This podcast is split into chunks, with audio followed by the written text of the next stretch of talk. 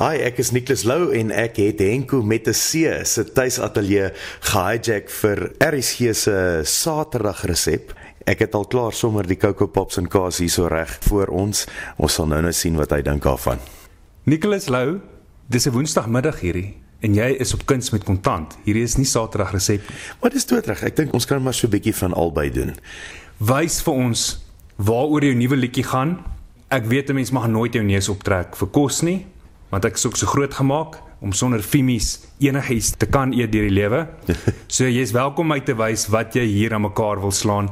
Maar ek moet vir jou sê ek kan nie dink dat dit baie lekker is nie, maar ek is oop vir nuwe idees en jy's welkom my te ooreed. Nee, verseker.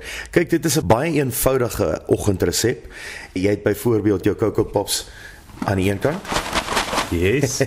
en dan het jy jou kaas van keuse, maar ek sê altyd vir die mense, moet dit nie 'n te smart kaas maak nie, nie blou kaas en sulke goeters nie. Kry 'n lekker vriendelike kaas, 'n Gouda of 'n of 'n cheddar of 'n mature cheddar as jy dan nou baie ekstreem voel. Jy gooi jou Coco Pops in jou bordjie en dan na die tyd sny jy blokkies omtrent die helfte van die grootte van 'n feta blokkie. Dit moenie so groot as 'n feta blokkie wees nie sny dit in blokkies en sit dit oor jou Coco Pops en dan na die tyd gooi jy net melk oor die hele besigheid. Dit maak dit regtig regtig baie baie lekker. En mense sê vir my waar het ek die idee gekry? Wel ek was seker so 7 of 8 toe ek dit vir die eerste keer gedoen het. Ek het die idee gekry, kyk as jy kyk na enige serial advertensie tot vandag toe nog, dis eintlik so snaakse klise, dan gooi hulle die serial in die bord in en dan uit die hemel uit val daar drie stukkies piesang of ja, berries of een waar. of ander bessie val daarso in die bord, sommer net so uit die uit die hemel uit in die kamera in en op die dinge is. En ons het net nie bessies daai tyd gehad of piesang gehad of enigiets nie daar was wel kaas in die huis gewees en ek het gedink dit gaan 'n goeie plan wees en ek het die blokkies kaas opgesny en ek het die melk oorgegooi en dit is fenomenaal. So ek is baie baie seker jy gaan hou van wat ons doen. Goed, ek gaan dit nou met graagte probeer. En sou jy selfs dan piesang skyfies op die einde ook byvoeg as jy ja, kon? Verseker, verseker. Uh, kyk die liedjie se naam is Coco Pops en Kaas want 'n ou moet dan een of ander besigheidsbesluit maak dat laat dit werk in die liedjie. Maar kyk, jy is welkom om piesang skyfies daarop te gooi. Jy's welkom om piesang skyfies op die kaas te gooi, by die kaas te gooi. Dit is ook verskriklik lekker. Maar vir die singdoeleindes het Coco Pops en kaas baie beter ingepas in die frasering van die liedjie. Ek sal dan nou ook vir luisteraars met liefde fotos op Henko met 'n C se Facebook bladsy gaan laai en vir hulle wys hoe ek en jy nou hier bymekaar sit en Coco Pops en kaas eet. Hmm. En ja, ek is seker ek sal dalk daarvan hou. Ek glo jy gaan daarvan hou. Kyk, mense wil dit nie weet nie, maar kaas en sjokolade gaan fenomenaal saam. 'n Eenvoudige voorbeeld is byvoorbeeld as jy 'n slab koop, Dairy Milk slab, nie Toptek of enige van daai net die gewone bruin sjokolade en jy sny vir jou 'n stukkie Gouda. Ek sou Gouda met met gewone sjokolade voorstel. Jy breek daai vier blokkies wat langs mekaar is, breek jy af. Ja. En jy vat jou skyfie kaas en jy eet dit saam. Dis fenomenaal. Mm. En dan ook 'n kaas met hot chocolate. Mense kyk my baie snaaks aan as ek hierdie goeters vir hulle vertel. Maar dink nou vir jouself, ons weet was dit Noag gewees wat dronk geraak het nadat hy die druiwe geplant het. So hy het baie van wyn gehou. Nou Noag reken ek was so 4000 jaar gelede as ons mens nou gaan volgens die Bybelse datums. So voor 4000 jaar gelede was daar al iemand gewees voor die vloed wat gesê het, "Hm, daai klomp druiwe het gevrot. Ek dink ek moet dit eet." Of iemand het gesê een of ander malding het gesê, "Daai perskes het gevrot. Kom ons gooi dit in 'n asblik en in 'n maand dan drink ons die sap daarvan." En vandag is dit baie baie populêre drank. Wyn en mampoer en al daai goeters. Daar was een of ander malaard gewees wat dit eerste gedoen het en gesê het, "Jesus, daai druiwesap het gevrot. Ons moet dit drink." Nou wil mense vir my vra hoe mal is ek om Coco Pops en kaas te drink. Maar hulle drink wyn en hulle drink mampoer. So, hot chocolate en kaas is net so lekker. As jy gewone hot chocolate vat, jy vat eers 'n stukkie kaas en dan sluk jy 'n slukkie hot chocolate. Dit's baie lekker. Nou mense het gesê kaas en wyn. So daar's al klaar weer 'n snaakse maar tog 'n baie populêre kombinasie, né? Ja. Kaas en wyn en sop en sherry aande. Wat 'n kombinasie is dit? Maar dit werk. So, Absoluut. ek sê nou vir jou die koning daarvan is Coco Pops en kaas. Ons sit nou hier met Gouda kaas. Ja, dis 100%. Sou jy selfs aanbeveel dat iemand dalk iets soos cheddar kan gebruik? Ja, cheddar is as jy die dag nie kan gou daar kan kry nie. Ek sê altyd moet net net nie te smart maak nie. Jy weet feta en cocoa pops het ek nog nooit getraai nie. Ek dink dit gaan lekker wees nie, nee. want hy's 'n bietjie te sterk, hy's 'n bietjie te bitter. Ek stel een of ander vriendelike kaas voor. Ek sê altyd vir die mense moet nou nie vir feta gaan of daai tipe van goeders nie, maar eintlik moet ek dit nie sê nie want jy weet dit gaan eintlik oor wat werk vir jou. Ek meen as jy dink 'n smart kaas gaan daarmee saamwerk, wie's ek? Daar was mense gewees wat gesê het, "Hm, daai kaas het gevrot. Kyk hoe blou is hy. Kom ons eet dit." Jy weet. Ja. ja. So weer terug na die malgheid van mense se kosmake. Daarvoor is ek baie dankbaar ook, jy weet, want 'n ou leer baie goed. So ek het byvoorbeeld in hierdie liedjie het ek 'n paar ander goeters geskryf oor, jy weet, soos chips op 'n broodjie. Gewone chips, nie bak aardappels chips nie. Mm.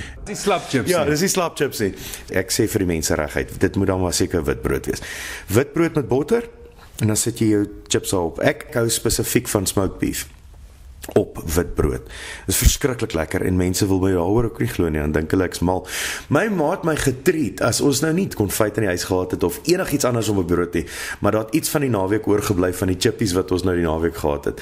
Dan sy my nou gespoil vir maandagooggend.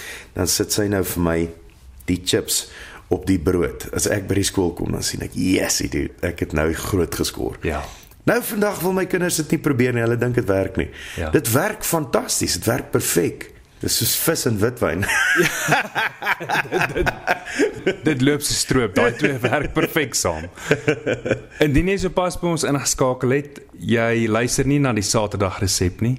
Jy luister na Nicholas Lou wat in vandag se aflewering van Kuns met Kontant by my enkel met 'n C kuier. Nicholas alles is so uiteenlopend van waarvan jy hou en wat bymekaar pas en dis ook daai frustrasie wat jy vroeër van gesels het waar jou liedjie nou sy oorsprong gekry het. Sou jy sê dat jy en jou vrou is ook twee uiteenlopende mense maar dat julle baie goed bymekaar pas? Ja, verseker. Sy bring die orde in die huis op sekere vlakke. Ek en my vrou is 'n baie goeie match wat 'n mismatch was. En mense kan ook nie noodwendig verstaan nie. Sy sy is byvoorbeeld verskriklik mooi en ek is verskriklik lelik. Maar die belangrikste ding is akademies is ek dom. Ek is dom so stof akademies, maar ek het common sense. Sy is weer akademies verskriklik slim. Sy kyk net na 'n ding en sy seil deur haar goeters. En ek moet nou baie versigtig sê, maar dit wat ontbreek by haar is in oorvloed by my in, in terme van common sense. Soos byvoorbeeld as jy koffie gedrink het, moet asseblief nie net die koppie so in die wasbak sit nie. Spoel die ding uit. Spoel die ding uit en dan maak jy hom vol water sodat as ek later die skorrelgoed kom was, dan is dit basies net 'n vinnige deurvee. Koffie word hard en taai. Nou los jy hom in die wasbak. Nou vanaand 9uur is ek nou kom en kom skorrelgoed was en jy slaap lekker omdat ek die skorrelgoed was, maar dan het hy nou 'n sandjie gemaak daaronder en dit skeer weer die spons. Dis sulke goeters wat ek sê, luister man, dink net. Maar ek is weer dom so stof as dit kom by akademie. Ek is te kunstig. Jy weet ek weet mense wat akademies slim is noem dit intellek, maar ek dink daar's so baie velde van intellek. My intellek lê nie by akademie nie. So dit is my en my vrou se dinamika, jy weet. Maar tog klink jy vir my na die rolmodel man want jy was skorrelgoed in die aande. Weet jy, ek vind dit baie terapeuties. Ek is verseker nie die rolmodel man nie, maar 'n ou probeer want jy's lief vir hulle, jy weet. Ja. En uh jy weet ou doen wat jy kan, maar ek vind die skorrelgoed was eintlik baie terapeuties. Jy weet in 'n vandag se dae het jy 'n TV maakie saak waar jy gaan nie. Jy weet jy vat die iPad, jy sit hom in die vensterbank en jy kyk 'n storie terwyl jy skorrelgoed was. En op die einde van die dag voel dit net like yesterday, weet jy, ek het ek het iets nice gedoen vanaand in die huis. Ek maak nie vir 'n uh, ek wil dit nou nie so sê nie, maar ek dis sal my nie doodkry om my bed op te maak nie. Nie sommer nie. Ja. Nie sommer. So, dit is iets wat jy reg aan ja. van aan nie. En, en nee, ek doen nie want want wanneer ek dit doen, moet dit perfek opgemaak word. Byvoorbeeld, ek het eendag gesien op die TV op 'n dokumentêr hoe Nelson Mandela sy bed opgemaak het omdat hy so lank in die tronk was. Ja. Hy het sy bed militêr opgemaak en selfs as hy op 'n vliegtyg was of in 'n kar was en hulle het vir hom 'n kombersie gegee. Weet jy, hy het daai punte so bymekaar gevat. En dit maak nou nie saak wat enigiemand se politieke sienings is nie. Ek kan dit respekteer van enigiemand hoe hy die punte van die kombers bymekaar gemaak het en hom so opgevou het en so en so en so. En ek het aanklank daarbey gevind want ek voel ook so as 'n ou bed opmaak moet jy want daar's niks wat so lekker slaap soos 'n styf opgemaakte bed nie. Styf mm. styf styf opgemaakte bed. Ja. 'n Hotelbed, 'n gastehuisbed. Nee, ek verkies hotelbeddens. 'n Hotelbed slaap net so lekker want wanneer hy styf opgemaak is want daai mense doen dit vir 'n lewe. Hulle maak elke dag honderde beddens op. So die beddens wat hulle opmaak is impeccable opgemaak. En daarom hou ek nie daarvan om bed op te maak nie want ek kan nie ophou nie. Ek kan nie my keer self keer. Nou ek is dieselfde met skorrelgoed ook. So akademies van aard soos wat jou vrou is en so kunstig soos wat jy is. Wie tussen julle twee bestuur die huis se finansies? Ons bestuur maar elkeen ons eie goederes, maar dit het vir my jare gevat om te leer om met geld te werk, jy weet, en baie baie duur lesse. Ek dink is belangrik dat elkeen sy eie ding hardop tensy iemand nou regtig idioties is met geld en dit her kan herken en dan sê luister ek voel die ander ene wat slimmer is met geld moet dit bewerk. En ja, daar's sekere goederes die oomblik wat ek dit kan bekostig wat ek sal oorgie aan my vrou om vir haar te sê luister, hiersoos vir jou 'n bedrag geld wat ek voel jy dalk slimmer besluite meer sal maak, jy weet, um, daai tipe van ding. Veral na die COVID ding, jy weet, ons herstel nog ek wil nie eers eintlik daai woord meer sê nie, weet dis dis eintlik amper 'n vloekwoord. Mense wil dit nou so dis soos oorlog, jy wil dit agter jou sit. Maar finansiëel is ons nog besig om te herstel of ek sy het gelukkig dwarsteer COVID al werk gehad, jy weet. Maar ek het mos nie 'n vaste werk nie, verstaan so. Sou jy dalk sê dat daai COVID tydsperiode was amper soos om 'n vergrootglas op ons almal se bestuur van geld te plaas. Ja, en onder 'n vergrootglas na te kyk en jou te forceer om terug te staan en te kyk en te sê maar ek weet glad nie hoe om my finansies te bestuur nie of ek weet dalk 'n bietjie of ek moet nou begin leer. Ek moes baie baie vinnig begin leer. Dit het versekerde vergrootglas op baie aspekte gesit, nie net finansiëel nie, maar alles wat vertak uit die finansies uit. Soos byvoorbeeld kos. Ek het 'n manier, ek koop elke tweede aand koop ek 2 liter koeldrank en dis net my porsie. Ons koop elke dag van ons lewens biltong. Dis 'n baie baie duur ding om te koop. En in in die COVID tyd het ons het ons geleer, luister, okay. En nommer 1, koop minder daarvan, koop die goedkoper goeders, maar ook leer hoe om die goeders te gebruik. Daar moet niks weggegooi word na die tyd nie. En dit wat te veel is, word in die vrieskas gesit. Ons moet daai goed en ek glo meeste Suid-Afrikaanse families moes dit leer doen. Veral die middelklas, jy weet, ek dink die meer welgestelde mense het nie nodig gehad om dit te doen nie. En jy weet, ek meen ek hoor daar's soos baie mense wat baie geld gemaak het uit COVID uit. Ek is nie een van daai slim mense nie. So ek dink die middelklas kopers, hulle moes baie vinnig, ek dink die armer mense het dit voor die tyd geweet. En dit was al klaar in werking gewees wat 10 teen 1 baie grootliks tot hulle voordeel getel het. Maar ehm um, ek dink die middelklas ou wat 'n bietjie nonchalant was oor finansies wat nie noodwendig aspireer om eendag skatryk te raak nie en ek is een van hulle, jy weet. Soos wat 'n ou ouer raak, begin jy agterkom daar's belangriker dinge in die wêreld as geld. So ons het definitief ons lesse geleer en geleer om beter met ons geld en met ons bates en met dit wat ons het om mee te werk, het ons leer beter gebruik. Jy is 'n geweldige privaat mens. Ja en jy is baie privaat as dit kom by jou gesinslewe hmm. en oor algemeen by jou privaat lewe. Beteken dit noodwendig dat jy net so privaat is as dit kom by jou geld sake of sou jy bereid wees om iemand se hand te neem wat hulle hand uitsteek en sê maar ons kan jou help, ons kan konsulteer. Sou jy bereid wees om 'n pad met iemand te stap wat jou kan adviseer met hierdie tipe van goed of is dit vir jou 'n totaal en al 'n nee, jy en jou vrou doen julle saak op julle eie? Ek dink ek gaan nou praat 10 10 1 en net my eie perspektief.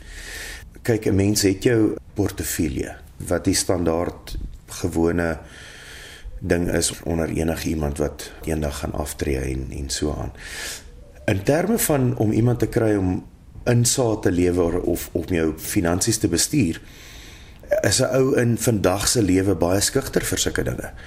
Hierdie jaar vier jy 20 jaar se sukses as een van die land se grootste Afrikaanse sangers.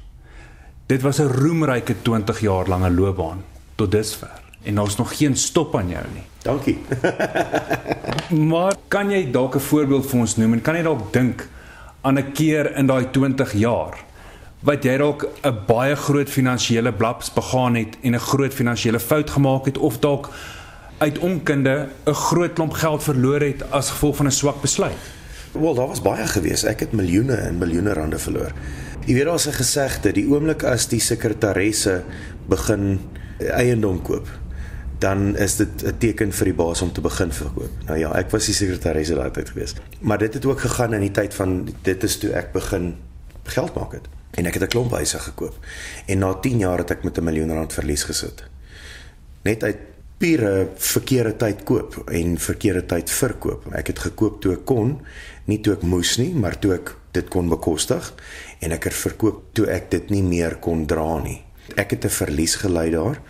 Maar ek was ook baie dom met my geld aan die begin gewees. Ek is dank Vader, ek is nie meer so dom nie, maar jy weet ek moes die grootste kar hê. Ek het die duurste Mercedes op die mark gaan koop. 'n Klomp huise gekoop en ek het ook my besigheid meer as 'n vriendskap gehardloop of of bestuur eerder as 'n besigheid besigheid. Want dit was vir my moeilik geweest om die baas en die vriend te wees. En ek het baie dom gekies om die mense te vertrou om my. Maar op die einde van die dag het ek maar die duur les geleer wat meeste mense leer wat so optree en dit is dat wanneer dit goed gaan is alles goed en wanneer dit sleg gaan dan dan is daai mense nie meer jou vriende so soos wat dit is nie weet en ek meen ek het oor die jare dat ek agtergekom luister die ouens wat saam met my werk hulle vreet 11.500 rand 'n maand op en ek het nie nodig om vir hulle te koop nie weet ek meen ek het daai dit vir hulle gesê dink jy spaar gee vir elkeen wat vir hom werk elke môre gepaai nee Hy gee nie koeldrank en paai nie. Jy sien die mense lunchtyd kom en hy koop sy paai en hy koop sy koeldrank by die kassiere. Toe ek sê luister guys, jy weet die prestasie wat ek kry vir die geld wat ek spandeer. Ek het dit nou 'n bietjie verdiskonteer en dit maak nie meer vir my sin nie. Ja. Dan sien maar 'n kwaad vir jou. Jy verstaan, dis daai tipe van goeders wat ek deur was en toe op 'n stadium het ek net besluit luister, maar ek gaan nie ek gaan nie meer werknemers aanstel nie en toe my daai tyd huidige werknemers en my paadjie skei, het ek net gesê ek gaan niemand niets aanstel nie. Ek gaan nou met vrykontrakteurs werk. Want dit is vir my baie makliker om vir daai vrykontrakteur net nie weer te bel nie en te sê ja. luister, okay, ons het hierdie week 5 shows. Ek sien jou daar, daar, daar, daar. Ek vind dit is baie eenvoudiger om net met 'n vrykontrakteur te werk as om 'n salaris. Dit werk duurder uit, maar snaaks genoeg vir my besigheid het dit beter uitgewerk. Jy weet, die ouens, dis 'n baie meer professionele diens wat gelewer word. Die kwaliteit van die werk en ek dink ook die onderhoud van die toerusting dit het 'n groot verskil vir my gemaak, jy weet, want dit klink asof ek sleg praat van hierdie mense, maar ek meen ons is almal net mense. Maar as jy 'n werknemer is en dit is nie jou eie ding nie, jy kyk net nie so mooi so na daai goeders nie. As jy met 'n vrykontrakteur werk, daai ou kyk mooi na sy goeders want dit is sy besigheid en hy weet as hy daar kom met stukkende speakers gaan ek hom net nie weer kry nie. Uh, maak nie saak hoe goed die, die klank is nie, die goeders moet in 'n goeie toestand wees en dit moet professioneel lyk. En dit was vir my baie moeilik geweest om die hele tyd op te check en 'n mens vertrou die mense want is eintlik sê my jou vriende. En as jy na 6 maande 'n spotcheck doen, jy maak die bus oop en daar kom so stofwolk uit. Dan is 'n ou woedend, jy weet. En op 'n van die dag het ek net gesien, luister, dit gaan vir my beter uitwerk as ek met vrykontrakteurs werk want die diens is meer professioneel. Dit dra 'n baie beter beeld uit. Daai ou neek ook nie rond by die show nie, want hy gooi ook sy eie naam weg waar ek wat werknemers gehad het, hulle het net my naam weggegooi, jy weet. Dis maar daai tipe van ding. Maar die Nicholas Lou wat vandag voor my sit, verskil vir my ligjare van die jong Nicholas Lou. Vandag is jy 'n ou wat hier voor my sit wat ek kan sien iemand is wat baie tyd daaraan spandeer om algemene kennis in te win. Jy wil graag beter wees, meer weet en ek kom dit agter met jou geldsaake met jou finansiële besluite ook. Want ons het jou destyds eers aanvanklik leer ken voordat ons jou as iemand wat druk en rol op die verhoog. Jy het 'n opera en 'n klassieke agtergrond gehad. Ja. En toe jy oorbeweeg na die rock toe. Latere jare het jy ander musiekstyle gehad en nou baie onlangs is dit asof jy oorbeweeg na die country klanke toe. Mm.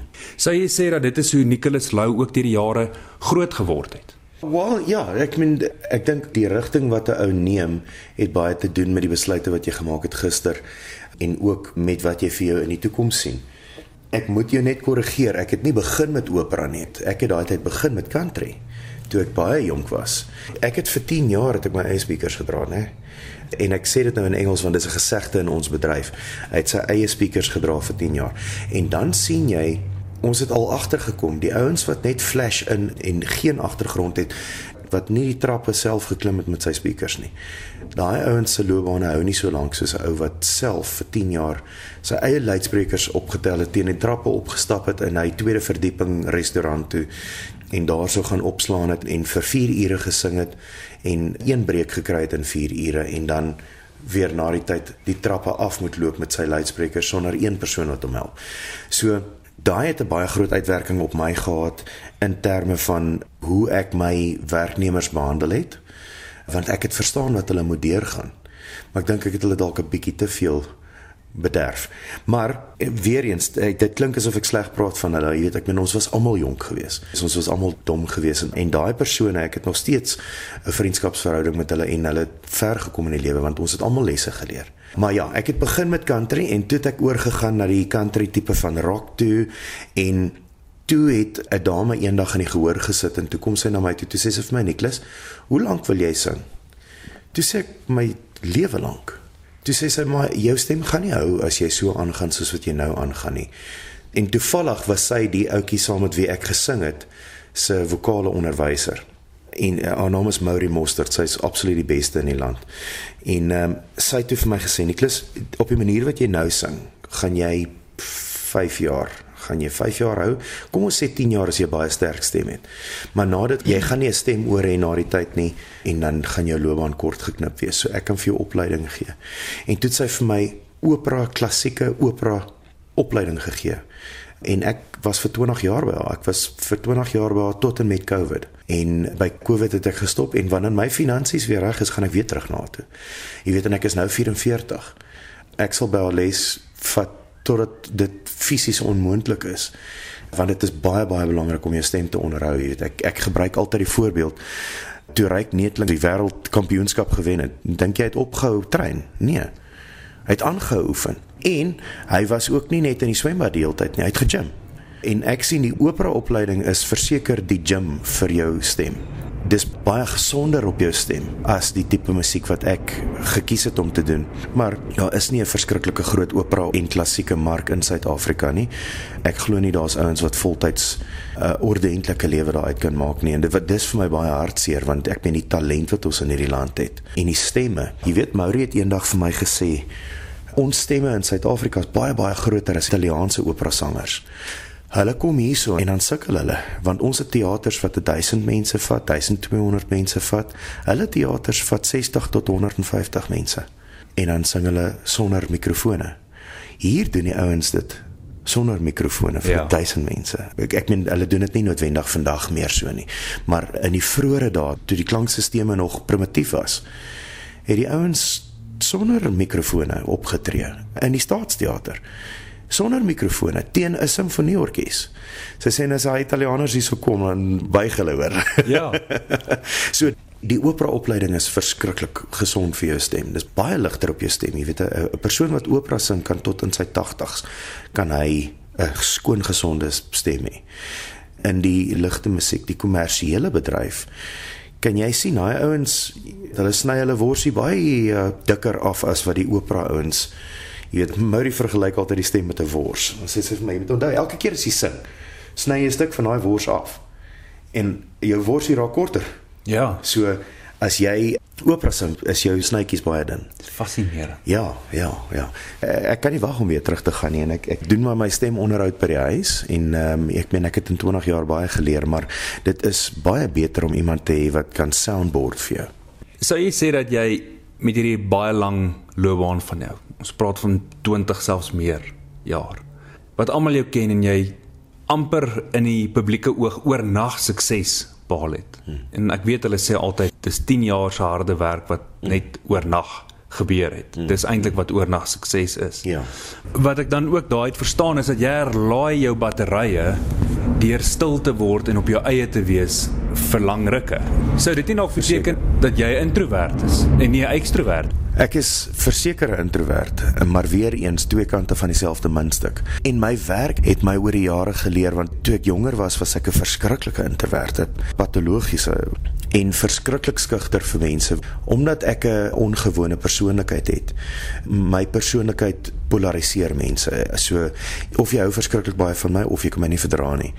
En dit is omdat mense dink ek is windgat en dit is eintlik nie so nie en dit het gemaak dat ek skugter geraak het oor die jare van kleins af het ek meer in my dop ingetrek meer in my dop getrek minder van myself gewys want ek het agtergekom baie mense hou nie daarvan nie maar onthou ook ek meen dit is 'n 50-50 ding maar ek dink die seermaak bly altyd by 'n mens en die seermaak skaaf vir mens baie meer as die liefde en die lekker kry wat jy kry in die wêreld in jou lewe die negatiewe ondervindings, die verwerping, daai tipe van goeters skaaf baie meer aan jou persoonlikheid en op die einde van die dag loop jy met letsels wat nooit sal weggaan nie. Of kom ons sê met ouderdom gaan dit stuk vir stuk weg, jy weet. Ek vind wel in my 40's is ek baie minder gepla met wat mense van my dink en ek hoor hoe ouer 'n mens raak raak dit meer so. So dank Vader daarvoor jy weet. Ja. want as jong mens kan jy dit nog verdra. Jy kan nog met daai gewig op jou skouers rondloop want jy ervaar dit as maar die lewe. As jy ouer raak besef jy luister nee dit moenie so wees nie. En hier's die ding. Vir my raak dit baie meer belangrik wat die Here van my dink as wat mense van my dink en veral omdat ek so baie daarvan gekry het waar ek 'n verskriklike dismissiewe as ek die woord kan sê wat sou mense sê 'n dismissive persoonlikheid gekry het teenoor mense wat jou nie aanvaar nie of wat jou nie wil aanvaar vir wat jy is of hoe hou van wat hulle sien nie. Het ek baie vinnig begin draai en gesê luister maar ek kan nie minder omgee wat daai persoon van my dink nie. Wat dink die Here van my? Het was ek mooi met daai persoon gewees? Was ek nice met daai persoon? Het ek my kant gebring en eintlik wat 'n ou moet vra op die einde van die dag. En 'n ou groei daarin. En ek weet nie of jy 'n geloof inbring op hierdie program nie maar ek dink daarmee is anti-geloof nie. Wat 'n ou eintlik moet vra is kon daardie persoon sien dat ek 'n kind van God is en dat ek 'n kind van Jesus is? Dat ek glo in die Christelike geloofsbelijdenis kan hy sien ek is 'n Christen? Sou hy kon sien? En ek meen met groot hartseer moet 'n ou seker maar erken dat jy sien dit in min mense en ek is skuldig self daarvan. Dat mense nie altyd kan sien dat ek 'n Christen is nie want ek is nog steeds dalk te behep met wat mense van my dink en ek reageer miskien nie op 'n Christen manier daarop nie. Ek reageer byvoorbeeld op 'n baie egotistiese manier daarop waar jy het my nou seer gemaak en ek wil duidelik hê jy moet weet jy maak nie saak in my lewe nie. Ja. En dis eintlik nie hoe 'n mens moet optree as jy 'n Christen is nie, maar dit is iets waarna 'n mens groei. Jy groei in dit in. Asseblief laat dit vinniger gebeur by my. jy het vroeër gepraat van mense wat in jou jong mens lewe toe jy oornag sukses bereik het, graag met jou wou assosieer. Hmm. En wat ek geleer het, een van die waardevolle lesse uit kuns met kontant en al die vorige gaste op hierdie program is hulle almal sê dieselfde ding en dit is dat by elke vertoning wil elke ou 'n foto saam met Nicholas Lou neem. En op die ouene van die dag gaan die foto wat iemand van hom geneem het waar hy by jou op 'n foto staan nie oor Nicholas Lou nie. Dit gaan oor daai persoon wat jy vertoning baie gewoon het en wat kan huis toe gaan na sy pelle toe en vir hulle kan wys, kyk ek het langs Nicholas Lou gestaan. Dit gaan eintlik oor hom. En dit gaan glad nie oor Nicholas Lou op die ouene van die dag nie, want dit gaan oor hoe laat dit hom voel by sy vriende of by sy vrou op die ja. ouene van die dag. Kyk, ek dink dit hang van kunstenaar tot kunstenaar af. Ek dink daar sekere manne wat nie doodgesien wil word saam met my op 'n foto nie. maar weet jy, ek dink nommer 1 dit het 'n bietjie van 'n refleks ook geword. Ek dink baie van daai goeters en ek wil dit wel noem vir al handtekeninge voel vir my baie kere soos 'n absolute mors van tyd. Dis een ding as jy op 'n CD teken of as jy op 'n hemp teken en daar's 'n klomp ander handtekeninge op die hemp. Maar jy kry letterlik mense wat na jou toe kom en uit hierdie hemp wat jy moet teken of sy het hierdie hemp wat ek moet teken en dan 'n stukkie papier hierso en dan in 'n dagboekie en al daai goeters. En op die einde van die dag is dit een persoon wat wil hê moet op drie plekke teken. En veral op mense se liggame. Hulle wil hê jy moet op die lyf teken. Jy was dit môreoggend af. Wat het dit nou eintlik beteken? Wat baie meer werd sou wees is as jy daar by my kom staan en jy sê luister, kan ons gou-gou 'n foto neem? Hoorie so, weet jy wat, dit was lekker geweest om vir jou te kyk en my naam is wat ook al dit is en ek wil hê jy moet besef dat jy, jy maak 'n goeie verskil in my lewe. Dan kry jy mense wat in die ry staan, jy moet op haar arm teken. En dan gaan staan sy weer agter in die ry en dan kom sy weer voor en ek vind baie keer mense neem nie die kunstenaar se gevoel in ag nie. Nou ek ben ek is altyd nice daaroor. Ek doen dit maar weer en weer en weer en weer en weer tot op 'n kom ons sê as iemand vir die vierde keer terugkom en sê ek luister, okay. Ek gaan dit nou vir jou nog een keer doen, maar ek dink dan is dit nou 'n bietjie genoeg. Weet jy dis die snaakste ding. En ek moet sê ek geniet dit nou laat ek ouer raak. Ek dink seker maar my liggaam wat 'n bietjie ouer raak. Maar op die stage voel ek nog net soos wat ek 20 jaar gelede gevoel het. Maar na dit is dit asof ek baie harder gegym het. Jy het hierdie halfuur of uur lange aantekeninge wat vir my glad nie 'n probleem is nie. Dan praat jy na die tyd met die kliënt en jy sê jy totsiens en jou dankie en dit was 'n voorreg en jy weet jy maak mooi teenoor jou kliënt. Sien die kar klim en jy ry huis toe. Dis die snaakste ding, dan voel jy dit voel asof jou bloed, maar dis eintlik net my adrenalien wat uit jou spiere uittrek of uit jou kliere hoe ever die adrenalien gaan lê. Maar daar's iets wat vandag vir my liggaam sê as ek in die kar klim. Is verby. En wanneer mense nie die kunstenaar in ag neem kyk vir my is dit 'n voorreg. As iemand na my toe kom en vir my vra vir my handtekening dis 'n voorreg nê dis 'n voorreg vir alles mense 'n foto saam met jou wil neem of vir jou sê luister dit sou vir my lekker wees om 'n foto te neem want ek wil dit vir my vrou by die huis wees of ek ek wil dit vir my ouma stuur wat nou in Amerika bly. Weet daai tipe van goeders want jy my ouma is 'n groot fan en sy het saam met my susterlige immigreer whatever die situasie is.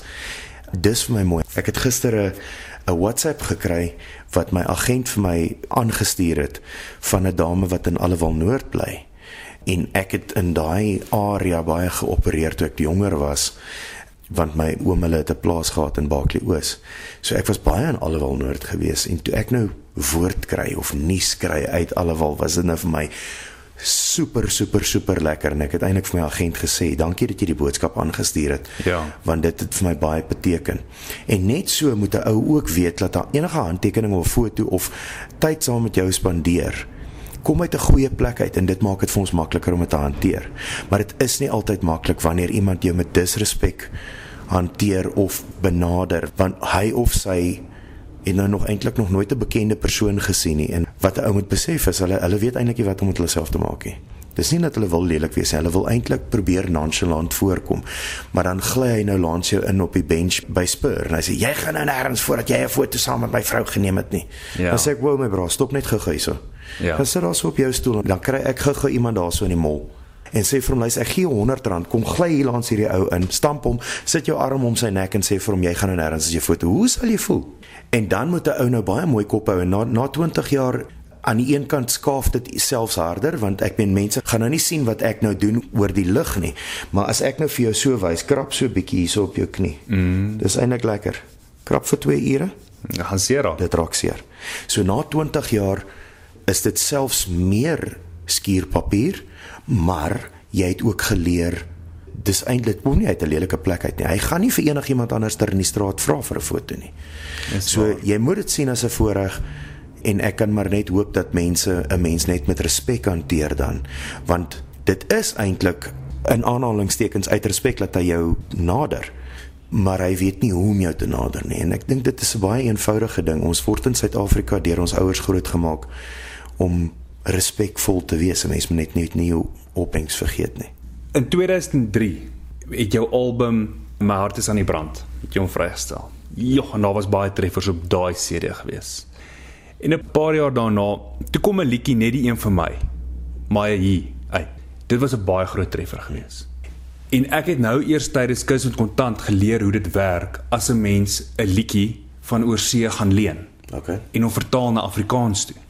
En daai my hier is so voorbeeld. Ja. Het daai liedjie vir jou baie geld gemaak op die ou ende van die dag as jy dit moet gaan vergelyk met wat jy moes gee om dit te gaan leen van oorsee af? Want ek vind dit fascinerend. Aanvanklik het Suid-Afrikaners glad nie geweet dat my hier van oorsee geleen is nie. Ja. ek dink ek was oor see toe ek die liedjie gehoor het. En toe sit ek een en een bymekaar.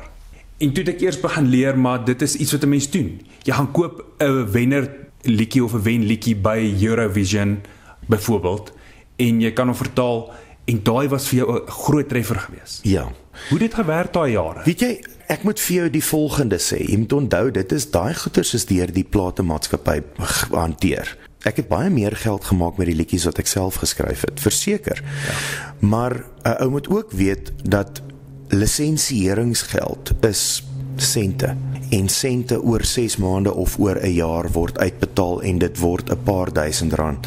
Maar dit is nie jou grootste inkomste nie.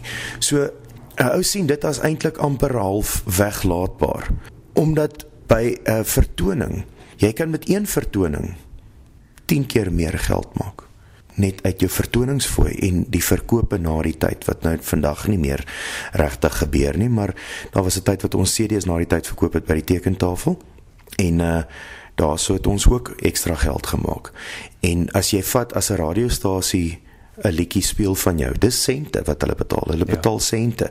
So dit is nie vir ons 'n baie groot inkomste nie tensy jy eendag soos Elvis doodgaan en jou gesin of jou familie onderhou vir die volgende 60 jaar. 70 100 jaar. Korrek. Ek meen in Suid-Afrika, ons werk nie op daai vlak nie. Ons mark is net eenvoudig te klein. Die Amerikaanse tantieme is astronomies vergeleke met ons sinne. As jy 'n internasionale kunstenaar is, is jou tantieme astronomies. Ons in Suid-Afrika wat Afrikaans is, ons speel vir 'n baie baie klein mark, maar 'n baie loyale mark. En 'n uh, 'n mark wat eie aan ons aan ons is. Maar die nagevolg daarvan is dat tantieme is nie 'n groot inkomste vir ons nie. En ook moet ek sê oor die jare is dit aan my duidelik gemaak of het ek agtergekom dat sekere tantieme wat eintlik aan jou oor moet betaal word nie aan ons oorbetaal nie en en word eintlik gesteel. So ek meen ek is nie so in daai ondersoek in nie. Daar sou is mense wat hierdie saak baie streng ondersoek en dit gaan blykbaar op 'n stadium redelik ontplof in ons land. Maar ek is nie in daai ondersoek in so erg nie. Ek fokus maar op die bal. En wanneer daai goeters kom, sal dit wat my toekom sal na my toe kom. En dis fyn. En as dit kom wanneer ek nie meer daar is nie, sal dit na my kinders en my vrou toe gaan.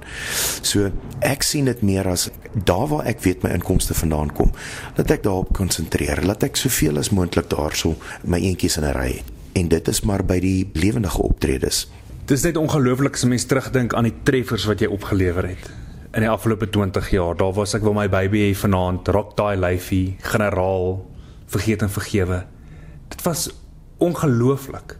En as 'n mens dit gaan vergelyk met wat jy in daai tyd reg gekry het met wat vandag se jongelinge ook reg kry, is dit regtig iets om oor hy so te skryf wat jy reg kry. En ek weet ons nog praat oor my hier en so, maar jou eie goed was dan net iets ongeloofliks geweest. Is daar een van daai liedjies wat regtig vir jou persoonlik net die ligte uitgeskiet het?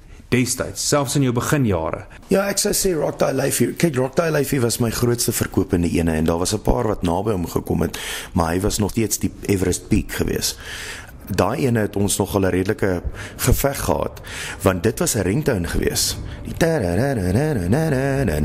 Dit was 'n ringtone op 'n foon gewees en ek het eendag in my PR se kantoor ingestap en dit was al lui toon en hy het gelei. En toe sê ek daai is my volgende hit. En dit was net daai stukkie. Dis net die intro wat op die ding is want ek meen 'n lui toon is 'n ding wat herhaal. Dis 'n kort stukkie musiek wat net herhaal. Ek het gesê ons moet dit gebruik toe ons die hele liedjie geskryf. En ons het toe die liedjie voorgelê aan die mense wat dit gelisensieer het of die die eienaar van die liedjie. Ek kan nie onthou of dit Motorola was of dit nou whatever. En hulle wou 100% van die eienaarskap hê. En toe het ons net eenvoudig vasgetrap en gesê, "Sorry, not going to happen. Daar's geen manier nie. Julle wil die intro as julle troefkaart gebruik, maar ons het die hele 3 minute 47 sekondes liedjie geskryf." En jy wil net daai gedeelte as troefkaart gebruik. Dis soos luister, maak julle keuse. Kies ja of nee, want vir ons om 'n ander intro te gaan skryf is peanuts. En hulle het toe ingestem en ons het besit die liedjie. Hulle besit wel 'n persentasie van die liedjie omdat hulle 'n gedeelte van die liedjie besit. Jy weet, die intro behoort aan hulle. Maar dit is 'n persentasie.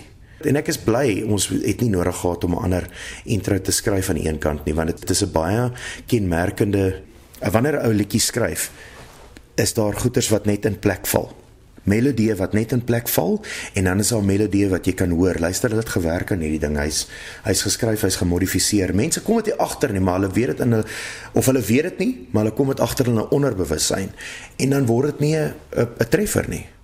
Dis 'n great song. Dis net asof hy in die verkeerde infliksie geskryf is of iets in daai rigting. En ehm um, as ons Rock Die Life se se intro moes oorskryf ons sou gesukkel het om eene te kry wat so net so op die oor val soos wat die huidige ene is, die bestaande ene. Hmm. So ek is bly ons het dit reg gekry. Want hy dan wraggie so mooi tussen die oë getref. Ja.